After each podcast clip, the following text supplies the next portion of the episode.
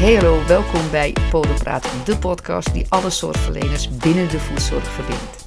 Mijn naam is Marieke de Haan, van pedicure via podoposturale therapie naar podotherapeut. Ik wil jou heel graag meenemen in de geschiedenis en de toekomst van de voedzorg in Nederland. En ik hoop je te informeren en te inspireren. Want vergeet niet, als je met beide voeten op de grond blijft staan, kom je nooit een stapje vooruit. Ik wens jou heel veel luisterplezier. Mijn gast van vandaag is een meester in het vinden van hiaten. Wat mist er, wat kan er beter? Zo stond hij aan de wieg van een aantal grootse projecten, zoals daar zijn de schimmeldiagnostiek, de oncologisch voedzorgverlener, live actueel en onlangs de wetenschappelijke studie De Oudere Voet. Ik spreek met niemand minder dan Misha Nagel. Nu hij in Kaapstad woont, zou hij het wat rustiger aan gaan doen, maar ook in Kaapstad heeft hij een hiaat gevonden. Luister mee hoe hij een nieuw project heeft gevonden in plaats van rustiger aandoen. Oké, ehm, nog geen uh, 24 uur in Nederland dus. Ja, nou, klopt. We zijn van start, uh, Misha.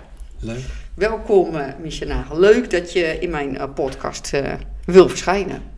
Ja. Superleuk. Um, vertel, wie is Misha Nagel? Voor degenen die echt niet opgelet Jee. hebben. Um, als ik mezelf met één woord omschrijf, dan noem ik het zorgspecialist, omdat ik kijk naar zorgverlening en kijk daar waar er iets niet is. Van buiten naar een proces kijken en dan kijken van, hé, hey, waarom is het er eigenlijk niet? En uh, als je naar mijn verleden kijkt, ik heb twee jaar medicijnen gestudeerd. Dat moest ik helaas wegens zeer trieste omstandigheden afbreken. Ik heb toen de plaats van mijn moeder ingenomen in een farmaceutisch bedrijf. Dat heb ik in 2003 verkocht. En toen heb ik één klein deeltje overgehouden en dat ging over medische voedzorg. En um, daar heb ik geprobeerd een ontwikkeling in te laten plaatsvinden. Uh, ten eerste door twee producten uit te vinden en dat, dat is weer uitbesteed en dat is ook verkocht, dat is niet meer van mij, tegen, tegen voetschimmel, uh, met name onigomycose. Heel succesvol en uh, toegang tot laboratoria voor voedzorgverleners, voor schimmeldiagnostiek. Uh, en in 2012 was ik de eerste die eigenlijk zag dat er voor de oncologische patiënt als gevolg van de behandeling optredende voetproblemen geen specialisatie was.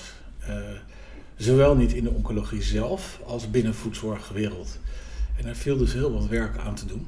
En uh, dat heb ik niet alleen gedaan, dat heb ik in samenwerking gedaan met. En daar kwam best wel veel erkenning uit. Jammer genoeg werd het in Nederland een beetje politiek gemaakt, maar gelukkig in Amerika uh, kreeg ik heel veel steun. Dat is ontwikkeld en uh, gelukkig zijn nu alle lijnen samengekomen en is het een vredelievend landschap geworden waar, van waaruit we samen dingen ontwikkelen. Dus ook met Provoed uh, wordt hard gewerkt om te kijken of we er iets goed voor kunnen neerzetten wat niet mijn naam draagt, want het gaat om de patiënt, maar wat heel toegankelijk is. Ja. En dat is eigenlijk een beetje wat ik, uh, wat ik doe. Uh, ik, wij geven een tijdschrift uit, ik geef nascholingen. Niet meer alleen voor voedzorgverleners, maar ook voor fysiotherapeuten en andere vormen van zorg. We proberen ze samen te brengen ook. Uh, dat is ook een ding. Dus dat doe ik. En ik woon niet meer in Nederland, ik woon in Kaapstad. Je woont in Kaapstad, ja. ja. En van daaruit valt er best wel wat te doen, denk ik, online. we werken alleen maar online. Ja. En dat is voor mij een zegen. Want uh, toen dat hele online gebeuren nog niet de noodzaak had die het nu wel heeft, dat is gewoon pre-corona, um, uh, zat ik ongeveer 100.000 kilometer per jaar in de auto. Ja. Het is geen pretje. Het is geen pretje. nee. nee. Um, de, je hebt het over de oncologische voedzorg. Ja. Um, bij wie hoort die thuis in jouw beleving? laat ik zo zeggen, de overzicht hoort altijd bij de oncoloog kort uh, of lang, uh, die moet daar uh, het oog op houden. Um, daarnaast denk ik dat de oncologische voedzorg thuis hoort bij een laag instap. Waarom? Niet iedereen kan het betalen. Het wordt niet altijd vergoed. Um, dus een medisch pedicure die zich gespecialiseerd heeft tegenwoordig in medisch pedicure oncologie of oncologisch voedzorgverlener, dat is het startpunt. En um, in de richtlijnen, die wij ook zelf hebben moeten ontwikkelen, want die waren er niet, uh, is het eerste ook dat je contact legt met de oncoloog om te vragen of wat je wil gaan uitvoeren, of dat kan, of dat veilig is.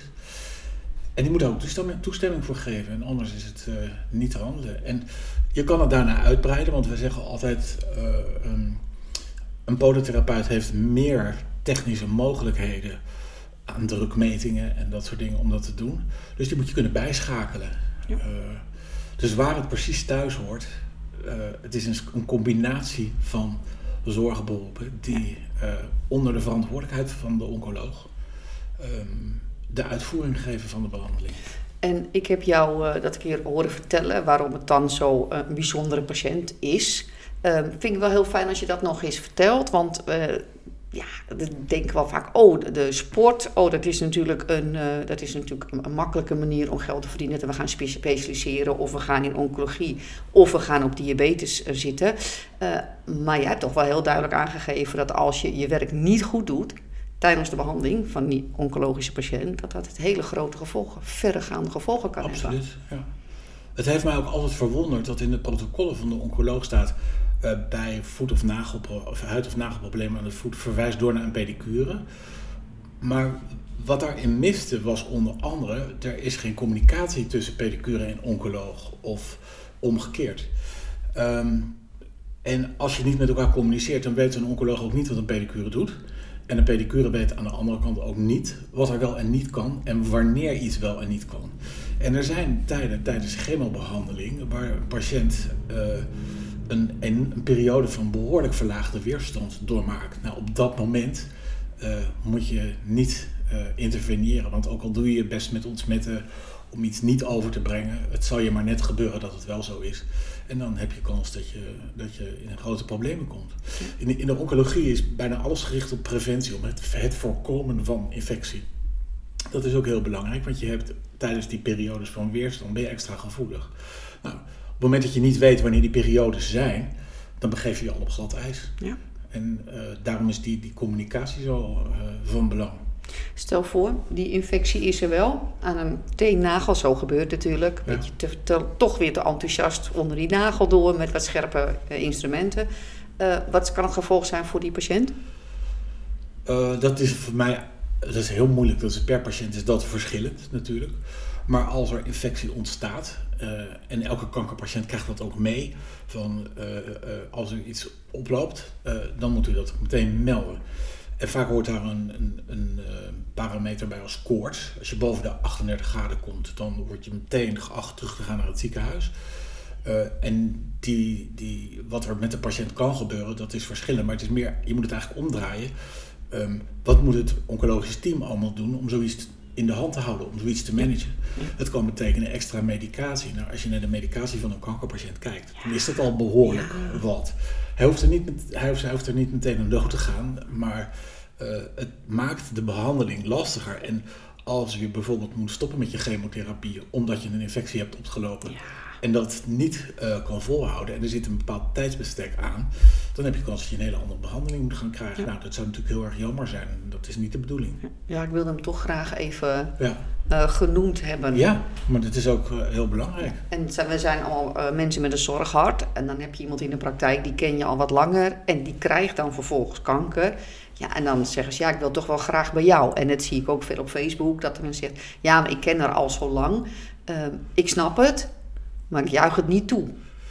Ik snap het heel goed. En, en luister voor een, een, kankerpatiënt die al zoveel zorgverleners aan zijn of haar zijde heeft. Hoeft niet eens aan bed te zijn, maar ook thuis of waar dan ook. Ja. Um, uh, die zit niet te wachten dat er nog eens een keer iemand bij komt die al die vragen gaat stellen. Maar in het geval van de oncologie is het denk ik wel heel belangrijk dat het gebeurt. Gewoon om het te kaderen, om ellende te voorkomen en daarmee ook fysiek en mentaal lijden voor de patiënt. Ja. Niet anders dan dat.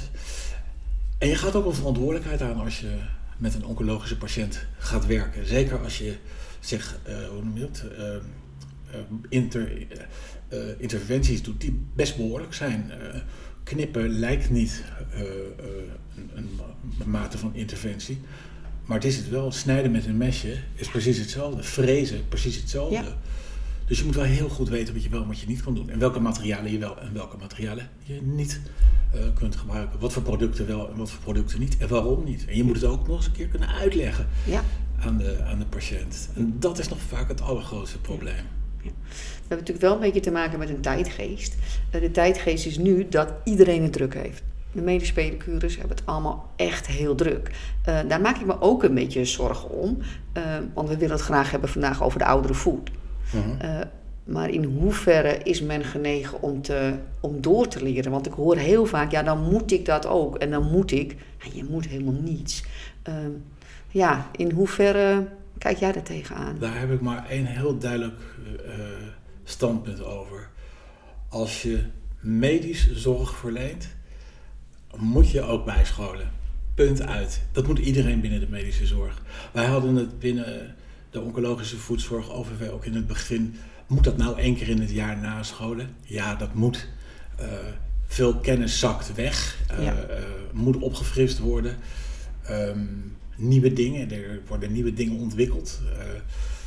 Ik noem maar iets vandaag in de, groot in het nieuws. Toen wij begonnen kreeg 1 op de 3 Nederlanders kanker. Het is vandaag bekend geworden, het wordt 1 op de 2.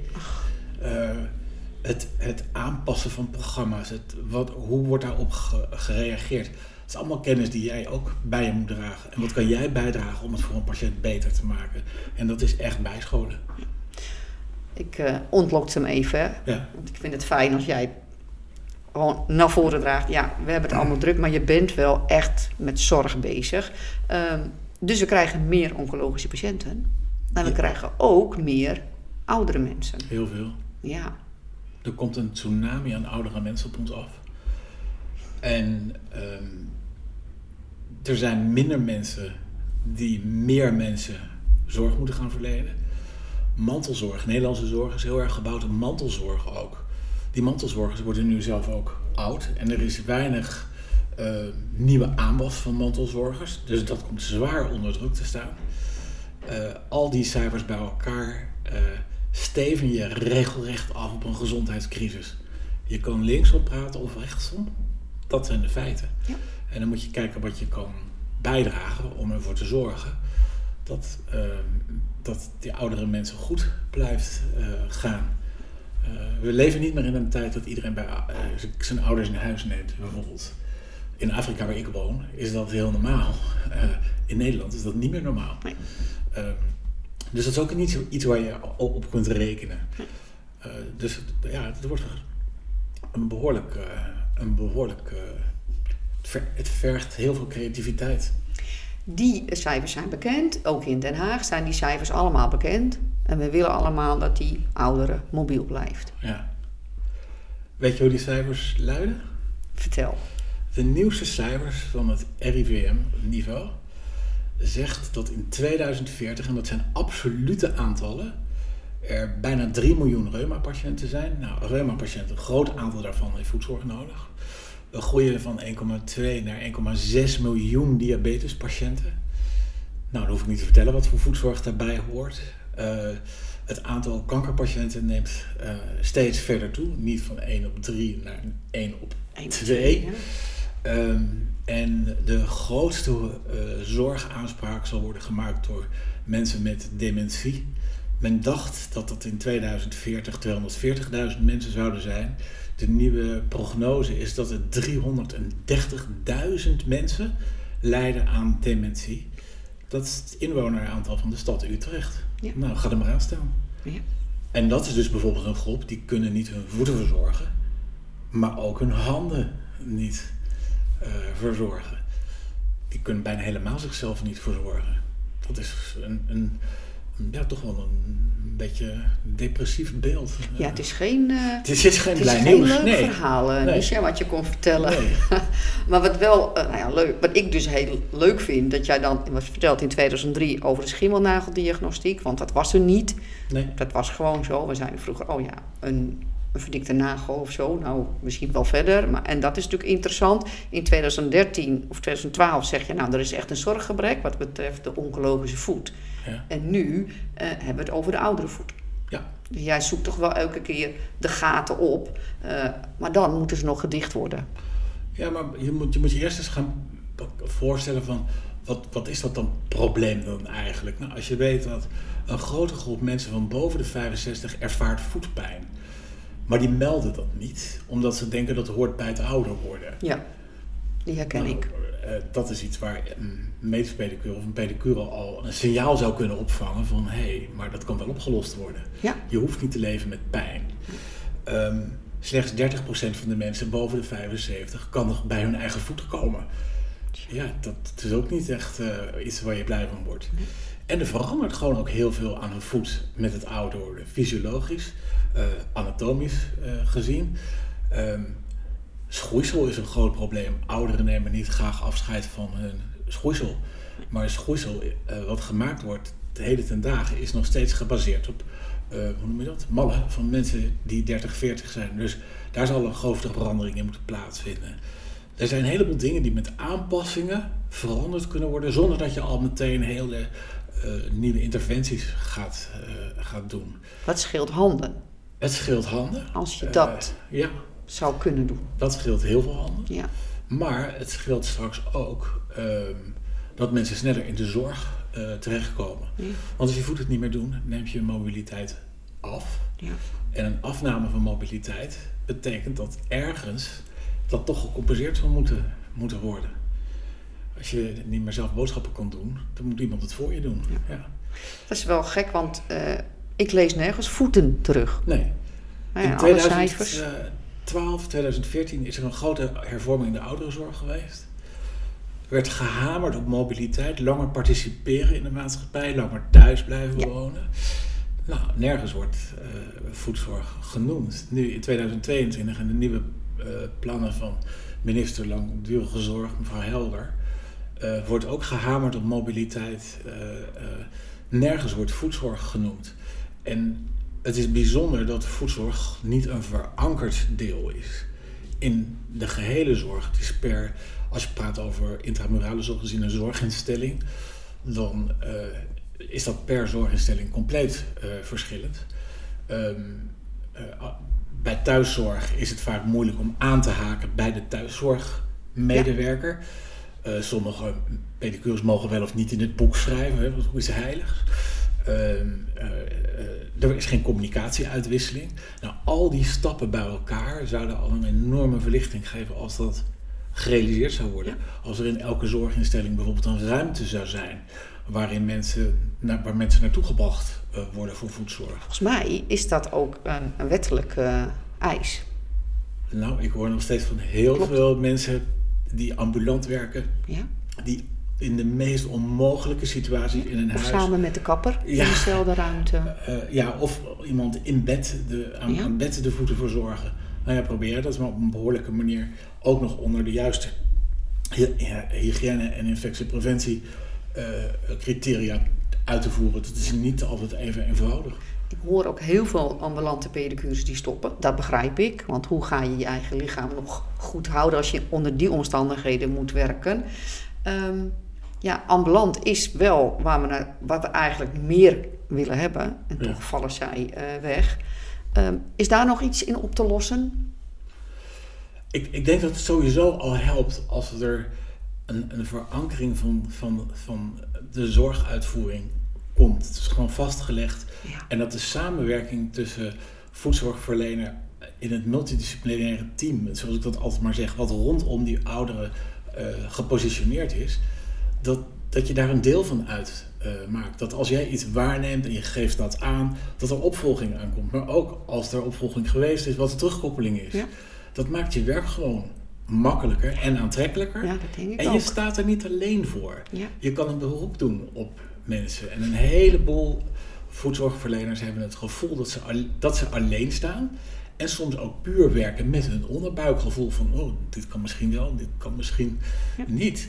Het zou zo moeten zijn dat als je er ergens twijfel over hebt, dat je pas boem meteen aansluiting vindt. Ja.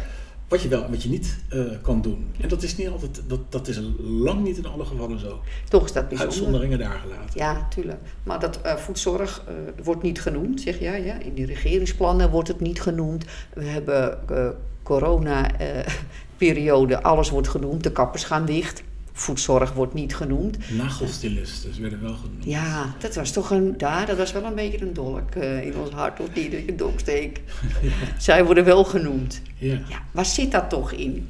Wat is dan dat het zo'n letterlijk een ondergeschoven kindje is? Ik denk dat het heel cultureel bepaald is. Wij zorgen ook niet voor onze voeten uh, als we jong zijn. Uh, ik had een medewerkster in dienst uh, die deed voor mij de werving voor toen de tijd nog de medische voet, het blad. En die nam na vier maanden afscheid, want ze vond voeten niet sexy. Om daarvoor te werven. En ik was daar echt helemaal van, van mijn padje af. Want dan denk ik van, het maakt net zo'n onderdeel van jezelf uit als handen, als je ogen, als je haren. Alleen je ziet het niet. Maar van de jonge mensen, vraag maar eens hoeveel mensen gaan er naar, uh, naar een pedicure om, om uh, af en toe je voeten te laten verzorgen. Naar de kapper gaan ze allemaal. Ja. ja. Hoef ik niet, want ik heb geen haar. Maar um, naar de kapper gaan ze allemaal. Handen laten ze ook allemaal uh, ja. verzorgen. Ja, dat schijnt ook in opleiding zo te zijn. Dat er best wel wat nagelstylistes, uh, dat die kant wel uh, gekozen wordt, maar het voetenvak dus niet. Nee. En dat, uh, um, we lopen ook vaak op schoenen die te krap, te krap zijn, maar we lopen erop omdat ze mooi zijn. Niet wetende wat de schade op lange termijn is. Um, het zit ook niet in, in campagnes of zoiets iets dergelijks je wordt er ook niet mee opgevoed. Terwijl, het moet ik niet helemaal zeggen, maar toen ik jong was, ik weet niet of jij dat nog kan herinneren, maar toen ik jong was, uh, liep je op Pietro of ja, Renata schoenen. liep ik daar op Pietro's. ja, als, je, als je op gezond groeisel uh, ja. liep, was dat, zat, zat dat wel een beetje ja. in de opvoeding. Maar dat was ook wel het enige. Uh, dat hield heel snel op. Ja, en mijn ouders die zaten natuurlijk in het voetenvak. Dus ik had ook weinig keus in de tijd kon niet wachten tot ik uh, een, een hak aankoot. Maar ja, Precies. Dat, dat, dat, dat, hoefden ze niet te zien. Nee. Dat was, uh, nee. ik wilde heel graag op laarzen lopen. Nou, die kwamen het huis niet hoor. ja, mooi hè. Nou ja, aan de andere kant hebben we ook al nu weer een beetje de barefoot mensen. Dat is ook interessant. Veel mensen echt uh, op blote, echt blote, blote voeten lopen. Sommigen de barefoot schoenen met die losse tenen. Maar ook barefoot schoenen waar ze 150 euro voor betalen, waar echt niks in zit gewoon niks, maar wel heel breed. Dus er zit wel een soort van kentering in, maar dat is dan toch niet bij de jonge generatie. Ja, en dat laatste vind ik ook heel moeilijk, want um, zoals ik al zei, ik woon in Kaapstad. Um, daar is veel armoede. En er zijn ook heel veel mensen die geen schoenen kunnen betalen. En die op blote voeten lopen, alles. En als je ziet wat daar voor voetletsels aan voorkomen, daar schrik je werkelijk helemaal kapot van. Ja. Um, je ziet ook wat er gebeurt als mensen op twee verschillende schoenen lopen. Uh, met, de, met een verschillende maat. Uh, um, je ziet op een gegeven moment dat ze helemaal niet meer kunnen lopen. En uh, dat, is, dat is wel heel schrijnend om dat te zien. Dat is dus ook heel triest, ja. Eigenlijk, wij hebben de kans om het goed te doen, maar we nemen die kans niet. Ja. En we zouden het eigenlijk wel moeten, moeten doen. Ja. ja. Die voeten uh, verwacht ik dan van dat ze allemaal echt hebben die tenen die heel ver uit elkaar ja. spreiden. Hè? Ja. En dat is denk ik ook, dat is volgens mij de functie die schoenen te veel beperken. Volgens mij zit die daar dan in. Uh, over letsels, heb je het echt over vergroeien dan, wat je ziet? Uh, vergroeien, maar veel verwondingen waar mensen ergens in glas gestapt zijn. Of, of weet je, mensen, als, je, als je arm bent, dan is het meest nare is dat je niet meer zichtbaar bent voor de maatschappij. Mensen stappen ook gewoon letterlijk op je of over je heen. En um, uh, daar kan ik je een voorbeeld bij noemen. Uh, um, niet zo ver bij ons huis vandaan is een brug. En onder die brug, daar wonen mensen in een paar dozen. En um, die brengen we wel eten of uh, eerste, helemaal tijdens corona, eerste levensbehoeften. Ja. En ik stap af, altijd, van mijn scooter. En probeer ook met ze in gesprek te gaan. En terwijl je met die mensen zit te praten, stopt er een auto langs de kant van de weg. Wordt het raam open gedaan en de restanten van een McDonald's maaltijd naar buiten gegooid. En als iets vernederend is Zo. om te zien, dan is het dat wel. Dus je, dan, dan zie je als, dat, dat armoede niet alleen uh, is dat je weinig geld hebt, maar zorg is er niet. Uh, je moet maar per dag zien te krijgen dat je eten uh, krijgt. Ja. En um, je komt nooit verder, want er zijn niet veel mensen die je daarin helpen. Nee. Nee. Ja, wat dat betreft hebben wij natuurlijk wel een enorm rijk land, hè? Ik denk dat wij voor de helft nog niet weten hoe gezegend we hier eh, zijn. Ja. Alleen zijn de problemen, problematieken hier zijn, zijn anders Ja. eh, dan daar. Het is daar, eh, armoede is een, is een ding. Maar over het algemeen zijn mensen daar wel veel liever voor elkaar, moet ik zeggen. De, de onderlinge cohesie is, ja, dat spreekt me heel erg aan. Wat ik in Nederland heel moeilijk vind, is dat steeds meer mensen langs elkaar heen beginnen te leven. En ehm, ook niet meer naar elkaar luisteren. Ja, dat is ook een dingetje. Ja, luisteren om zelf antwoord te kunnen geven. Ja, Ja. ja. En het mooie van luisteren is dat je dan, alleen als je luistert, leer je. Hè? Als je praat, dan hoor je niks, dus dan leer je niks. Dat vind ik altijd heel interessant. Soms kun je ook gewoon alleen luisteren om, om iets aan te horen. Ja, En dat is heel wat anders. En degene die praat wil misschien alleen zijn verhaal kwijt, die hoeft geen Ja. oplossing. Dus binnen de voedzorg trouwens ook een heel belangrijk ding. Ja, Dat je hoeft niet voor alles een oplossing aan te dragen. Eh, je, je kan ook gewoon naar mensen eh, luisteren. En, en voedzorgverleners hebben een heel bijzonder beroep, want er is nergens in de zorg is dat zo. Je kent je patiënt vaak al lang, die komt vaak al lang bij je, dat is één ding. Je zit aan iemands voeten. Dat is eigenlijk heel bijzonder, want het is ook best, Heel- best heel intiem. Dat zeg Intiem, ik ja. altijd. Als iemand bij je bezoek komt, zeg je niet, trek je schoenen gezellig uit en ga je aan iemand zijn voeten zitten kriebelen als je naast diegene op de bank zit. Ehm, en de zorgmomenten zijn heel lang. Ja. Dus je hebt drie dingen waarbij je al een hele grote barrière hebt weggenomen. En als je dan ook nog eens een keer heel goed luistert naar je patiënt, kan je heel veel informatie naar buiten krijgen. ja. En daar het, het juiste uitfilteren om daar iets mee te doen. Ja, we zijn allemaal wel zorgverleners. En eh, wat je zegt, dat gebeurt natuurlijk ook heel veel. Ook zonder zorgvraag. Ja. Dat, eh, dat voedzorgverleners hulp gaan verlenen. Ja. En eh, ik denk dat daar ook het moment zit dat het daarom ook zo vermoeiend is. Ja. Als je dat zou kunnen begrenzen, wat je zegt, alleen het verhaal aanhoren, is soms al genoeg. Een heel belangrijk onderdeel van onze opleiding is ehm, eh, een dag psychologie. Ehm, niet alleen om op het juiste moment juist te kunnen reageren naar de complexe dingen die een patiënt meemaakt. Maar eh, als je vijf kankerpatiënten op een dag hebt gehad, moet je ook s'avonds thuis nog wel leuk en sociaal zijn tegen je kinderen en tegen je man. Ja. Eh, en dat is een heel moeilijke stap Idealiter, ja. idealiter Ja. eh, eh, om dat te, te maken. En medische pedicure en pedicure zijn over het algemeen hele lieve mensen. Maar soms zijn ze ook net zo- zodanig lief dat ze, het, dat ze zichzelf daarbij eh, eh, vergeten. Ja.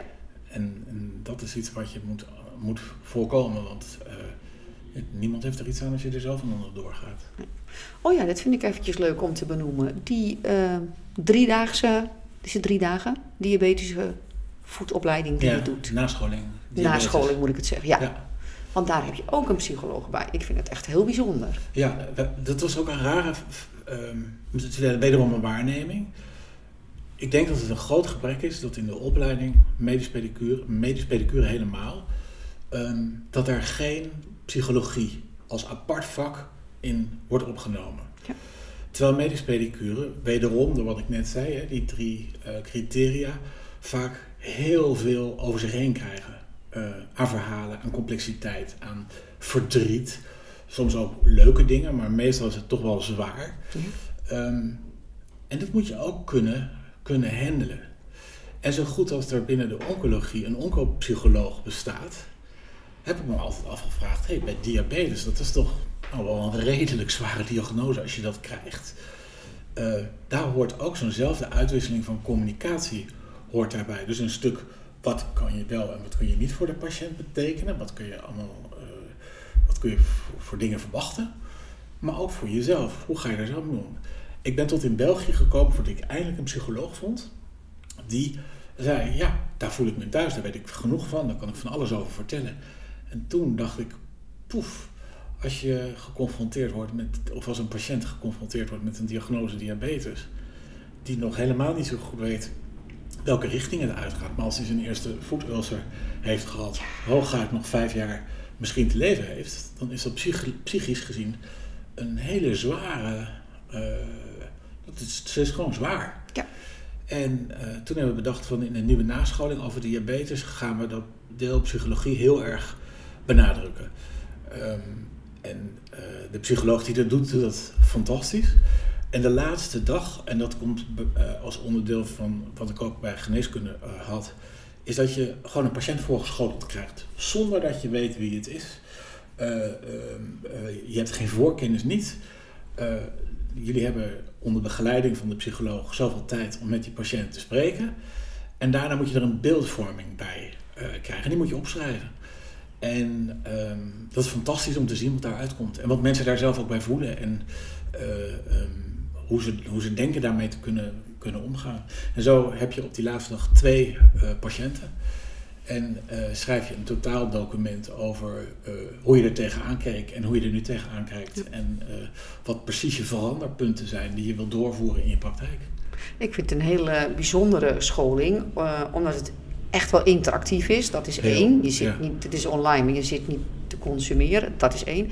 Ten tweede, het is echt multidisciplinair. Het is heel De polytherapeut, ja. psycholoog. We hebben de wondverpleegkundige. Wondverpleegkundige. En je hebt mij het eerste deel voor de... Ja, doet ook nog iets. voor het opfrissen van de, van de kennis. En de veranderingen uh, in hoe men naar diabetes kijkt. Dat is, dat, uh, is aan hoge veranderingen onderhevig.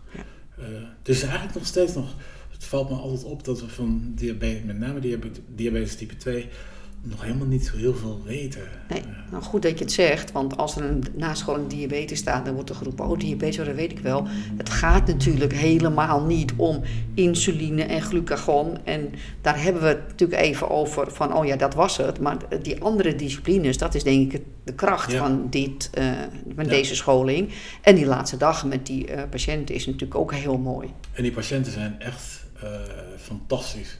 We hebben die, die, die, zeker tijdens de eerste scholing heb ik daar met uh, grote uh, bewondering naar deze mensen gekeken hoe die hun verhaal delen. En uh, wat, wat eentje ook heel specifiek deed was, maar mevrouw, toen u net iets aan mij vroeg, toen zei u, vroeg u het op deze manier en nu vraagt u eigenlijk precies hetzelfde. Heeft u dat in de gaten? En dan denk ik, wauw.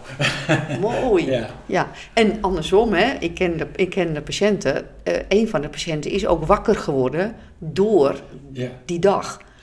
Die heeft later uh, klein dingetje aan zijn nagel gehad, maar hij belde wel tussendoor. Ja. Had hij normaal niet gedaan. Nee. Maar omdat hij wel ook het belang zag van uh, die voedzorg. Dus dat was ook heel mooi. Maar dat is het leuke van wat, wat ik doe, is dat je, dat je mensen aan elkaar koppelt. Uh, dat je kijkt of daar iets goed uit, uh, uit kan komen. Kijk, oncologische voedzorg, dat, dat was gewoon een, een, een verbazingwekkend feit. Als je ziet wat voor dingen je aan je voeten kunt krijgen als gevolg van een behandeling. Want het is altijd als gevolg van een behandeling, zelden als, als gevolg van een kanker zelf. Um, en dat je dan realiseert van, ja, maar wie lost dat dan eigenlijk uh, op? En uh, wat ook heel belangrijk is daarbij, is dat wetenschappelijk staat 100% vast dat zolang je mobiel blijft en in beweging blijft, is de kans op overleving is groter. Wow. Nou, hoe, hoe, blijf je in beweging als je voeten het niet meer doen? Uh, en geloof me, er zijn genoeg bijwerkingen als gevolg van de behandeling die gewoon niet kan lopen. Ja. Dan wordt het wel een beetje moeilijker. Dan wordt het een beetje lastiger. Um, de diabetische uh, voedzorgmodule bestaat al een tijd. Je hebt waarschijnlijk wel gehoord dat er in Nederland een, uh, een risicozorgmodule komt. Dus voor de risicovoed, waarbij 50 aandoeningen erbij komen, waaronder de, de oncologische patiënt. Um, als het goed is, gaan we daar in januari mee werken. Dus dan gaat de pedicure, medisch pedicure moet ik zeggen, en de polytherapeut ook daarin samenwerken. Um, hoe sta jij er tegenover? Um, ik wil het eerst zien. Uh, en kan, ik heb er wel een duidelijk standpunt over. Er zijn in Nederland 1250 polytherapeuten actief. Die dragen al de verantwoordelijkheid voor 1,2 miljoen diabetespatiënten. Er zijn er 40% daarvan heeft voetklachten. Dus voor die mensen is het een behoorlijk aantal. Als je al die ziektebeelden erbij telt, die je erbij krijgt, dan gaat het om een grote hoeveelheid uh, mensen. Uh, je moet eerst zien of je dat aan kan als polytherapeut. Um, het tweede is bij ons, bij de oncologische voet, is als veiligheid de oncoloog ingebouwd. De oncoloog eh, bepaalt of je het wel of niet kan. Maar dat moet de podotherapeut moet dat ook met de oncoloog afstemmen. Want hetzelfde wat voor een, voor een medisch pedicure geldt, geldt ook voor een podotherapeut. Die periodes veranderen er niet onder, waar, waaronder je minder immuniteit hebt. Dus daar verandert niks in. Dus er, er, er wordt een extra stap gemaakt om hetzelfde doel te bereiken. Ik denk dat dat uitgesloten moet worden. Ehm, maar ik vind dat die beroepen nooit met elkaar moeten concurreren. Het moet, het moet een zodanig geheel vormen dat de patiënt er beter van wordt. En dat is voor mij het allerbelangrijkste. En hoe dan uiteindelijk het cirkeltje eruit ziet, dat maakt me niet zoveel uit. Maar wat ik ook heel moeilijk vind, en dat zeg ik ook heel eerlijk, is um, in, binnen de podotherapie zelf. Um, kijk, je hebt een eigen praktijk, je, doet, je beslicht alles zelf, maar wordt heel veel gewerkt in een soort conglomeraten. Ja. En die conglomeraten, um, dat zijn behoorlijk machtige organen aan het worden. En dat zijn er maar vier of vijf die straks uh, hun stempel drukken op hoe de voedzorg uitgevoerd gaat worden. Daar heb ik grote moeite mee. Dat vind ik moeilijk, ja. Dat snap ik. Ik zit ineens te bedenken in dit verhaal. Uh, oh, er zijn twee, oncologische, twee soorten oncologische patiënten. Is natuurlijk niet waar. Maar je hebt dan een oncologische patiënt die ooit een oncologische behandeling heeft gehad. en daardoor neuropathie en op ja. risico. Ja. Uh, dat is degene waarvan ik me had gevisualiseerd. Die komt straks in mijn praktijk. Maar jij maakt me nu even wakker. Er komen dus ook mensen straks die midden in het traject zitten. Absoluut. Ja. Ik krap op mijn hoofd. Maar weet je wat het is? Die mensen die moeten dan weer een andere zorgverlener erbij betrekken. Ja. Uh, ik zeg altijd, als je aangedaan wordt door, ik hoop dat het nooit iemand gebeurt, maar één op de twee mensen in Nederland gaat het dus nu gebeuren. Als je getroffen wordt door een oncologische aandoening, zeker in het begin, word je overspoeld met dingen die je allemaal moet. En op een gegeven moment word je daar helemaal gek van. Ja. Kom, elke schakel die daarbij komt, is er weer één extra. En je moet te vragen, veel. is echt één te veel. is echt één te veel. Je moet je vragen of dat, uh, of dat de veiligheid van de patiënt dient. Ja. Uh, terwijl als je keihard in je regelgeving hebt staan, je neemt eerst contact op met de oncoloog, legt voor wat je wil gaan doen, wanneer je iets wil gaan doen. Een heel leuk voorbeeld is van uh, een OVV'er die vroeg aan een oncoloog in het Antonie van Leeuwenhoek: Ik wil graag een nagelregulatie doen met een nagelbeugel. Mag dat? En de oncoloog had haar op, opgebeld en die had gezegd: Lief schat, ik vind alles prima, maar ik zou niet weten wat een nagelbeugel is. Ja. Wat doet zij? Maakt een foto van een nagelbeugel aan op een nagel, stopt de nagelbeugel ook bij de foto in de envelop en stuurt naar, dat, naar de oncoloog. Die oncoloog heeft er wat van geleerd. Zij heeft de communicatieleiding genomen en het is perfect uitgewerkt. Wat wil je nog meer? Als er weer een schakel tussen zit, Ja. wordt het alleen maar moeilijker. Ja, je hebt het nu over de OVV'er, oncologische voedzorgverlener. Maar dat geldt straks ook voor, die, die was, NPO was het toen Ja. nog niet, maar dat geldt ook voor de NPO. En die, ehm, dit, dit is wel echt een hele belangrijke. En eh, juist voor degene die zeggen, want ik heb natuurlijk ook in, eh, in de lessen wel, ja, ze zitten zo niet te wachten op een, eh, op een berichtje van mij. Nee, ze zitten er niet op te wachten. Nee. Nee. Dat- maar ze zijn er wel heel blij mee. Een oncoloog is voor het ehm, continu beslissen eh, of een behandeling goed gaat, ehm, of die aangepast moet worden, afhankelijk van de informatie van andere zorgverleners. Ja. Daar hoort voedzorg net zo bij als eh, de fysiotherapeut, de oncologische fysiotherapeut, of de oncologische diëtist, Ja. of de oncopsycholoog. Als een oncopsycholoog zegt, het gaat met mevrouw helemaal de verkeerde kant uit, dan moet er overleg blijven. Dat, dat maakt iets multidisciplinair. Ja. En daar hoor je gewoon bij. Punt. Punt. Dus als iedere medisch pedicure zich dan verdiept in de oncologische voet, dan kunnen we straks die mensen wel borgen. Eén op twee. Ja. ja, maar als je dat allemaal via podotherapie doet, dan wordt dat dus on- onmogelijk. En vergis je niet, want je noemde net eh, mensen die een oncologische behandeling achter de rug hebben en langdurig ergens last van hebben.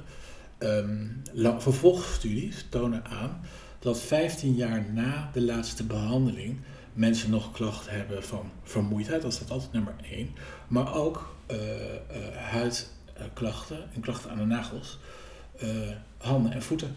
Dat is ook bijzonder. want Ik begreep eh, dat ze pas onlangs zijn achterkomen dat de neuropathie niet ophoudt. Dat was altijd het idee, hè? die neuropathie is tijdelijk, maar dat hoeft dus absoluut niet bij die oncologische voet. Nee, dat kan je leven lang blijven. Ja.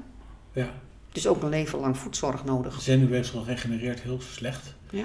Uh, en een zenuwbaan die beschadigd is, uh, is moeilijk testen. Maar dat is voor diabetespatiënten natuurlijk niet anders. Wat, jij komt niet uit Kaapstad alleen hier voor de podcast, toch? Nee. Wat kom je doen? ik heb een hele rits van afspraken. Ik ben net bij een groot scholingsbedrijf geweest om afspraken te maken over um, iets wat wij in de voedzorg aanbieden, medische basiskennis omdat ik vind dat elke medische voedzorgverlener over medische basiskennis moet beschikken. Het legt een bredere basis, een bredere, bredere uh, uh, pilaar onder je zorgverlening. Uh, het maakt ook het communiceren met andere zorgverleners veel makkelijker. alleen, het is een, een HBO-opleiding en het is tamelijk zwaar. En het kost ook geld. Maar ook daar hebben we wel een oplossing voor gevonden, want Nederland is opgedeeld in regio's. En uh, elke regio heeft een, uh, een leerwerkloket. En die weten precies in welke, welke subsidies gelden voor welke regio. En een aantal deelnemers heeft uh, gewoon de volledige opleiding vergoed gehad. Inclusief de, de registerstellingen, alles. Het is echt ongelooflijk. Ja, mooi. En dus de stapsubsidie is weg. Ja. Maar wij hopen dat omdat wij een, een NLQF gevalideerd instituut zijn, is nieuwe Europese regelgeving, maar het betekent eigenlijk zoiets als dat je compleet voldoet aan alle technische aspecten om uh, goed, uh, goede scholing te kunnen geven. het is een soort kwaliteitsborging, hè? Het is een kwaliteitsborging, ja, maar dan Europees geregeld. Ja. En het, het geeft een waarde aan het diploma. Als je een diploma hebt, dan staat er meteen een waarde tegenover. Dus NLQF 5, wat OVV nu is, is een associate degree. En dat is gewoon Europees vastgelegd. En dan kan je ook overal mee in Europa uh, terecht. Um, maar wij, uh, wat, um, waar wilde ik nou eigenlijk naartoe gaan? Nou ben ik even kwijt. Voor de, ja, de subsidies? Ja, voor de subsidies. Wij ja. hopen dat LQF straks ook weer binnen de stapregeling gaat, uh, gaat vallen. Ja. Want en, STAP is nu alleen voor OCW-opleiding, dus MBO, HBO. Maar dat dat straks ook voor NLQF gaat Mooi. gelden. Ja. ja. En um, ja, dit is ook wel een beetje mijn dingetje altijd. Ik zou zo graag willen dat de pedicure um, veel meer richting die medische zorg gaat, ja. maar er ook sterker in gaat staan. Ja. Dus in plaats van dat je de foto's moet zien van de vakantie, dat je het echt gaat hebben over waar het over gaat. Ja. Over die schoenen, over de zorg, over weet ik het. En uh, daar is dit natuurlijk een uh, mooie stap in de richting. Absoluut. Ja. En met medische basiskennis is het dan ook makkelijker om eventueel uh, door te leren om te scholen? Um, daar heb ik me eigenlijk niet zo in verdiept. Het, waar het mij om gaat is dat als je medische zorg verleent, dat je in ieder geval uh, weet hoe het lichaam in elkaar zit. Uh, dat je weet waar we onze energie vandaan halen, wat we met onze ademhaling doen, ja. waar de aangrijpingspunten voor infecties zitten. Uh, allemaal van dat soort hele basale medische kennis. En, en van daaruit specialiseer je in de voedzorg. En in die voedzorg kun je, kun je weer verschillende specialisaties kiezen. Want moet je nagaan, als je straks bijna 3 miljoen reuma-patiënten hebt, trek daar een percentage van wat voetklachten krijgt. Nou, dat zijn er best een hoop. Daar, als je je specialiseert daarin, dan heb je daar ook straks enorm veel ervaring en kennis in. En dat leidt weer tot betere zorg. Ja. En, en ik denk dat dat het model is waar je naartoe moet, uh, moet gaan. Missen we de medische basiskennis nu? Ja, absoluut. Absoluut. Hoe vaak ik niet iets moet uitleggen waarvan ik denk dat dat uh, in de opleiding zit, of dat je dat weet, um, bijna niemand. Nou, er, zijn, uh, ja, er zijn natuurlijk hele lijsten van wat je moet leren als basispedicure en later als ja. medisch pedicure. En wat opvallend is dat een uh, verpleegkundige ervan zou schrikken, omdat het op sommige plekken heel erg diep gaat. Mm -hmm. Maar echt diep, dat je denkt, oké. Okay. En uh, ja, dit is, dat is wel jammer, want het is weinig aansluiting dan bij wat je gaat doen. aan de andere kant, we hebben het wel gevraagd ehm, aan pedicures van wat vind je van de theorie. En als ze al langer in het werk zit, zeggen ze... ik ben blij dat die theorie zo zwaar was. Ja, dus dat vind ik mooi. Dat is ja. mijn basis. Terwijl degenen die er nog mee bezig zijn zeggen... oh, moet ik het allemaal leren? Maar de problemen aan de voet zijn ook complex. Ja. En als je die complexiteit niet her, her, herkent en erkent... dan uh, is het veel makkelijker om, om fouten te maken... Uh, maar bovendien, je kunt je, zorg ook veel beter onderbouwen naar een patiënt toe. Iets wat mij ook tot uh, verbaast, is dat, laat ik zeggen, 90% van de medisch pedicure maakt geen behandelplan. Als je vraagt van wat is een behandelplan, uh, ja, ik, ik doe mijn screening en dan ga ik gelijk mouw opstappen aan de gang. Maar ja, als je mensen hebt met MS of Parkinson of oncologische problemen, maakt niet uit wat, chronische zieke mensen, dan uh, moet je ook wel weten, wat heeft deze meneer allemaal? Um, wat is eigenlijk de zorgvraag van zo iemand? Wat is nog het allerbelangrijkste? Dat is een hele goeie. En kan ik daar wel aan voldoen? Wat, wat kan ik aan zorg geven wat die meneer vraagt? Dus je begint een behandelplan met een, een, een doelstelling die je samen neerzet. En van daaruit bouw je je zorg op. Heb je dat netjes in een plan, heb je heel makkelijk overleg met een polytherapeut. Heb je heel makkelijk overleg met een specialist. Als je elke keer nadat een behandeling is afgesloten, kort rapporteert met foto's erbij, dan weet je ook precies, oh, zes weken geleden was dat. Dat weet je niet uit je hoofd als je dat niet hebt. Horen blauwdrukken hierbij? Ik denk het wel, ja. ja. Ja. iedereen uh, druk, druk, druk. Hè. doen we niet meer in de praktijk. Dat is ook jammer, hè. Die medisch pedicure leert screenen. Uh, dan zeggen ze van het is afgenomen, maar dat is niet zo. Je mag, je mag altijd screenen. Vooral juist met iemand met Parkinson, want dan kun je natuurlijk je plan maken. Uh, blauwdrukken zitten erin, doen we niet meer. Ortheses, nagelbeugels, veel technieken. Doen we niet meer. Ja, maar weet je, zeg, dat hoor ik ook veel, heel vaak. Ja, de maakt het behandelplan. En zeg ik, dat kan wel zijn, maar de podotherapeut maakt niet jouw behandelplan. Klopt. Die geeft jou aanwijzingen wat er voor zorg moet gebeuren. Maar hoe jij dat gaat, precies gaat uitvoeren, dat weet een podotherapeut helemaal niet. Klopt. Dus het behandelplan is, is, legt, legt een soort um, beschermlaag onder je zorg. Ja. Uh, en wij denken ook allemaal dat het nooit fout gaat. Hè? Het gaat altijd goed. Nou, dat is dus helemaal niet zo. uh, want ik Help ons uit de droom. Ik heb onlangs een casus gehad van iemand die beschuldigd werd. Ze werd achtergelaten met een voetwond. Maar omdat er geen documentatie was, helemaal niet. Geen foto. Had diegene geen foto, geen poot om op te staan. En dat werd wel uitgevochten voor uh, de klacht werd ingediend bij Provoed, maar ook bij het Nederlands Patiëntenplatform. Ja. Je moet wel weten wat je dan voor je hoofd krijgt. Als je totaal geen documentatie hebt, dan alleen het plan van de podotherapeut waar je uitvoering aan moet geven.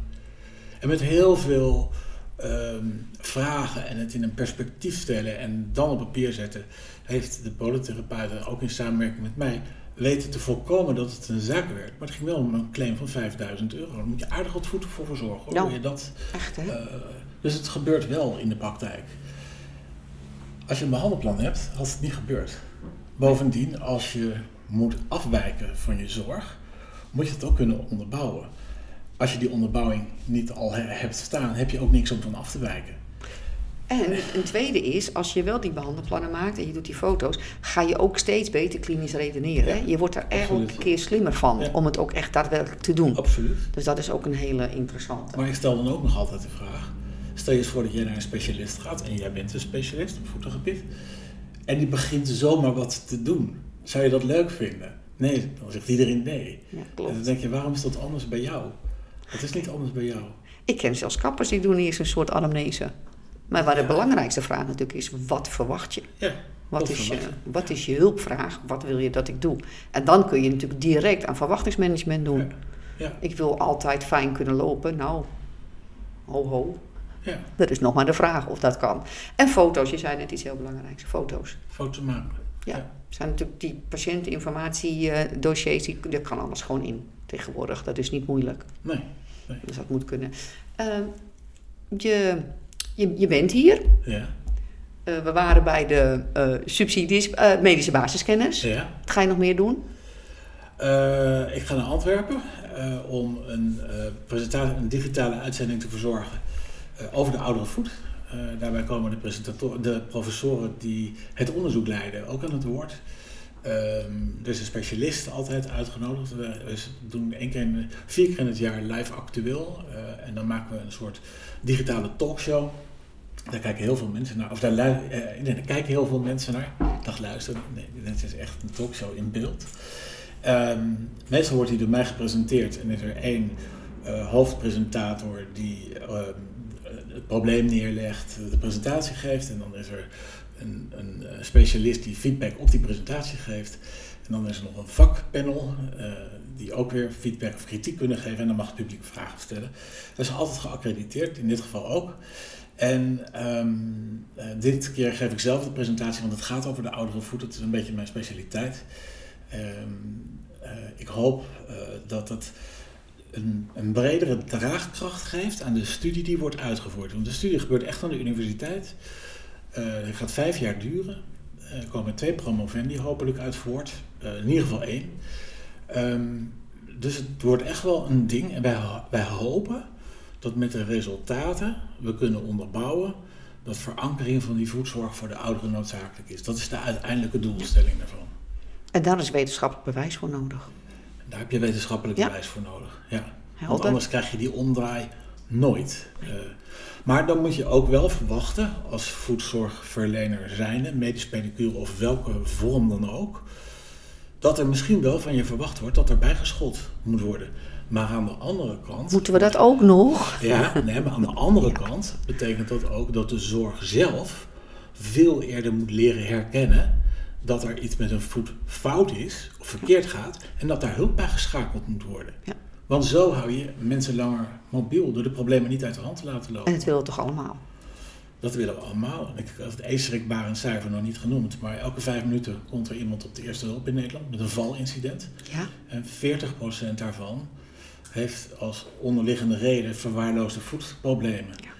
Nou, uh, dat kost enkele miljarden per jaar. Ja. Je zou toch willen dat je, dat je daar iets aan kan doen. Ja, en de kans om wel weer gewoon te kunnen lopen na zo'n val, na een heupfractuur, is natuurlijk ook nog niet 100%. Hè? Nee. De eerste afslag, als er zoiets gebeurd is op de snelweg nou, in het ouder worden, is de afslag naar de eenzaamheid. Ja. Want als je mobiliteit wegvalt, um, worden mensen eenzaam. Ja. Uh, je kan niet meer participeren. En de maatschappij komt jou thuis niet opzoeken. Nee, nee. onze maatschappij is er ook niet op ingericht, hè? Nee.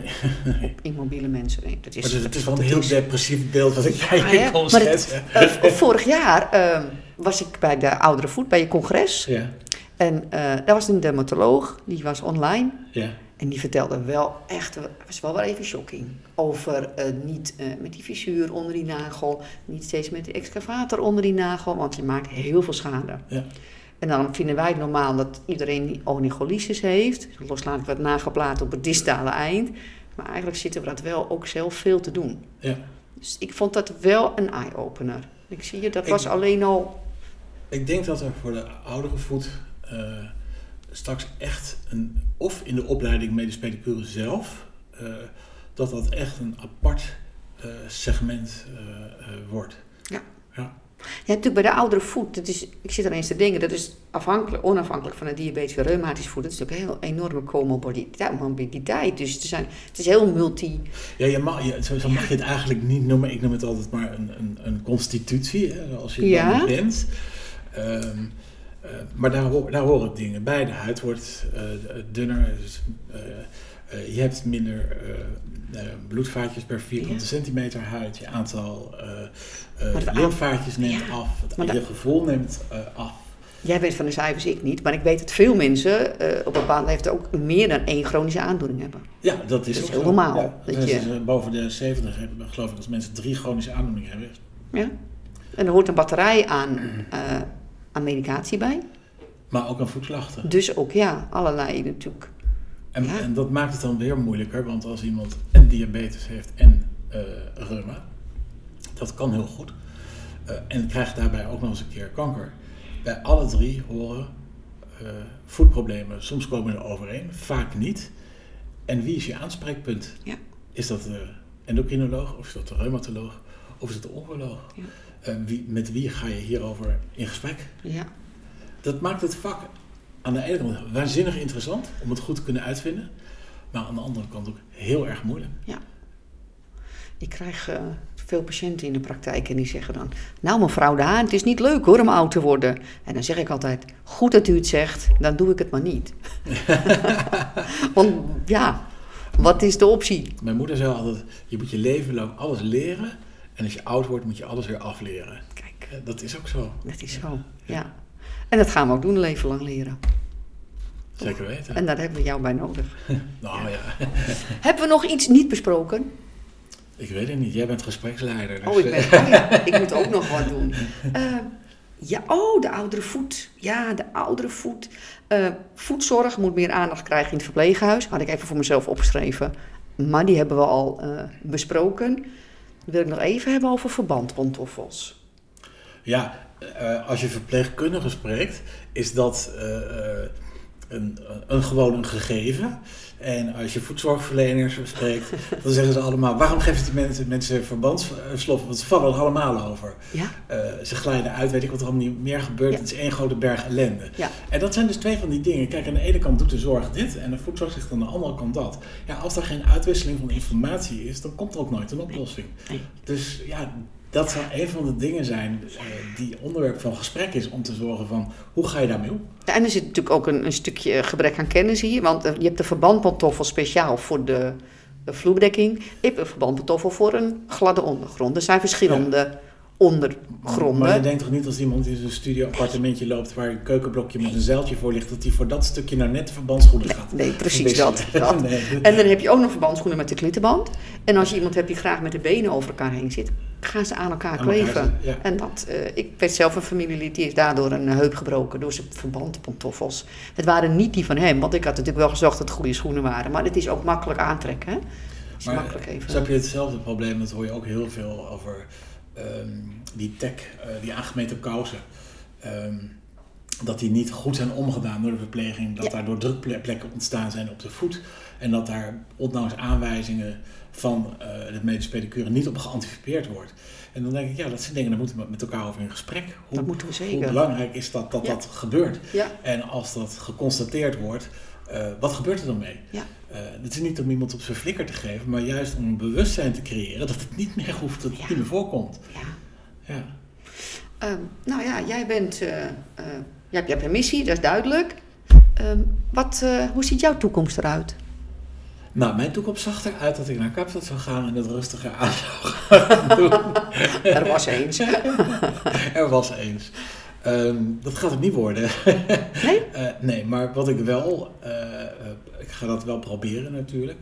Maar ik heb in Kaapstad eh, alweer een heel ander project ehm, Tuurlijk. voor ogen.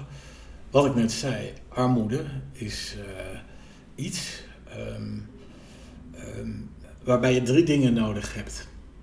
Je moet jezelf helemaal te pletter werken om eruit te komen. Je hebt geluk eh, nodig. Kansen, je moet kansen, krijgen. Ja. ja. En je moet iemand hebben die je helpt. Ja. En het laatste is, eh, als een van die drie, drie dingen er niet is, dan is de kans dat je daaruit komt heel eh, klein.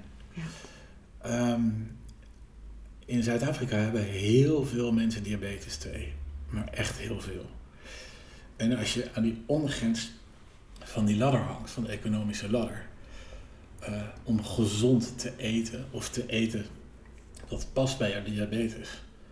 Ja, sorry, dat is, dat is geen optie. Nee. Nou, er is een, eh, een bedrijf die eh, boter maakt in Zuid-Afrika. En die raken heel veel productie de tijd kwijt aan mensen met voedklachten als gevolg van hun diabetes. En nu heb ik met de bedrijfsarts zijn we eh, eh, mensen aan het interviewen om eh, ze te ondervragen wat de tien grootste obstakels zijn om aan die andere levenswijze te kunnen voldoen.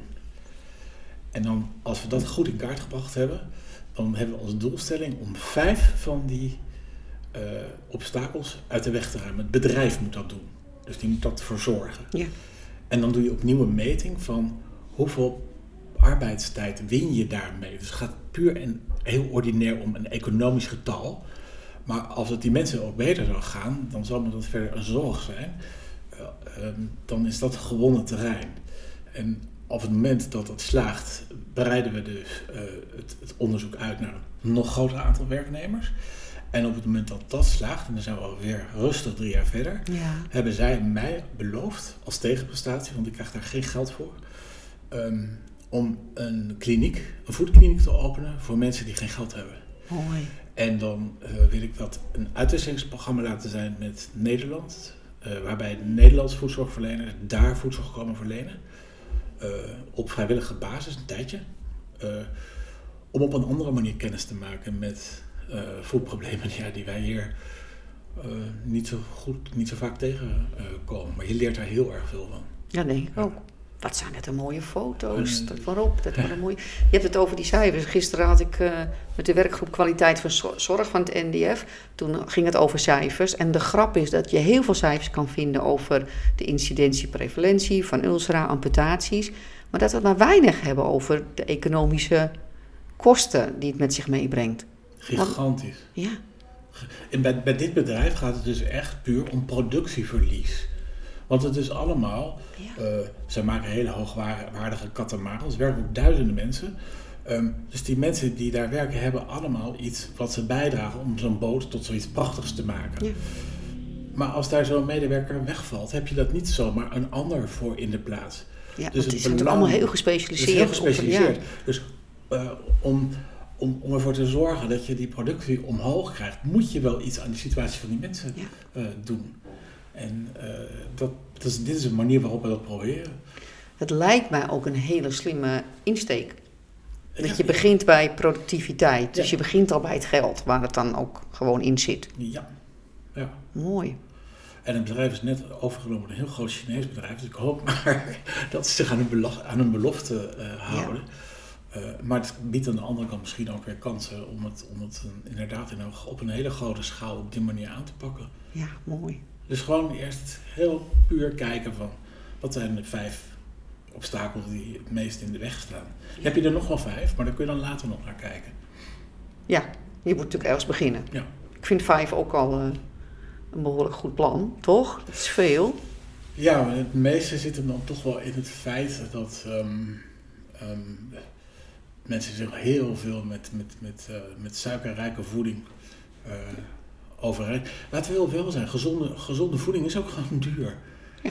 Uh, uh, alles wat je processed kan kopen, of, of Kentucky Fried Chicken of zoiets, dat in Afrika heel groot is, ja, dat is net te betalen. draagt niet bij aan je, aan je bloedglucosewaarde. Het is in Nederland ook al, hè, als ik op weg ben en ik moet even stoppen ergens bij een benzinepomp omdat ik wat wil eten.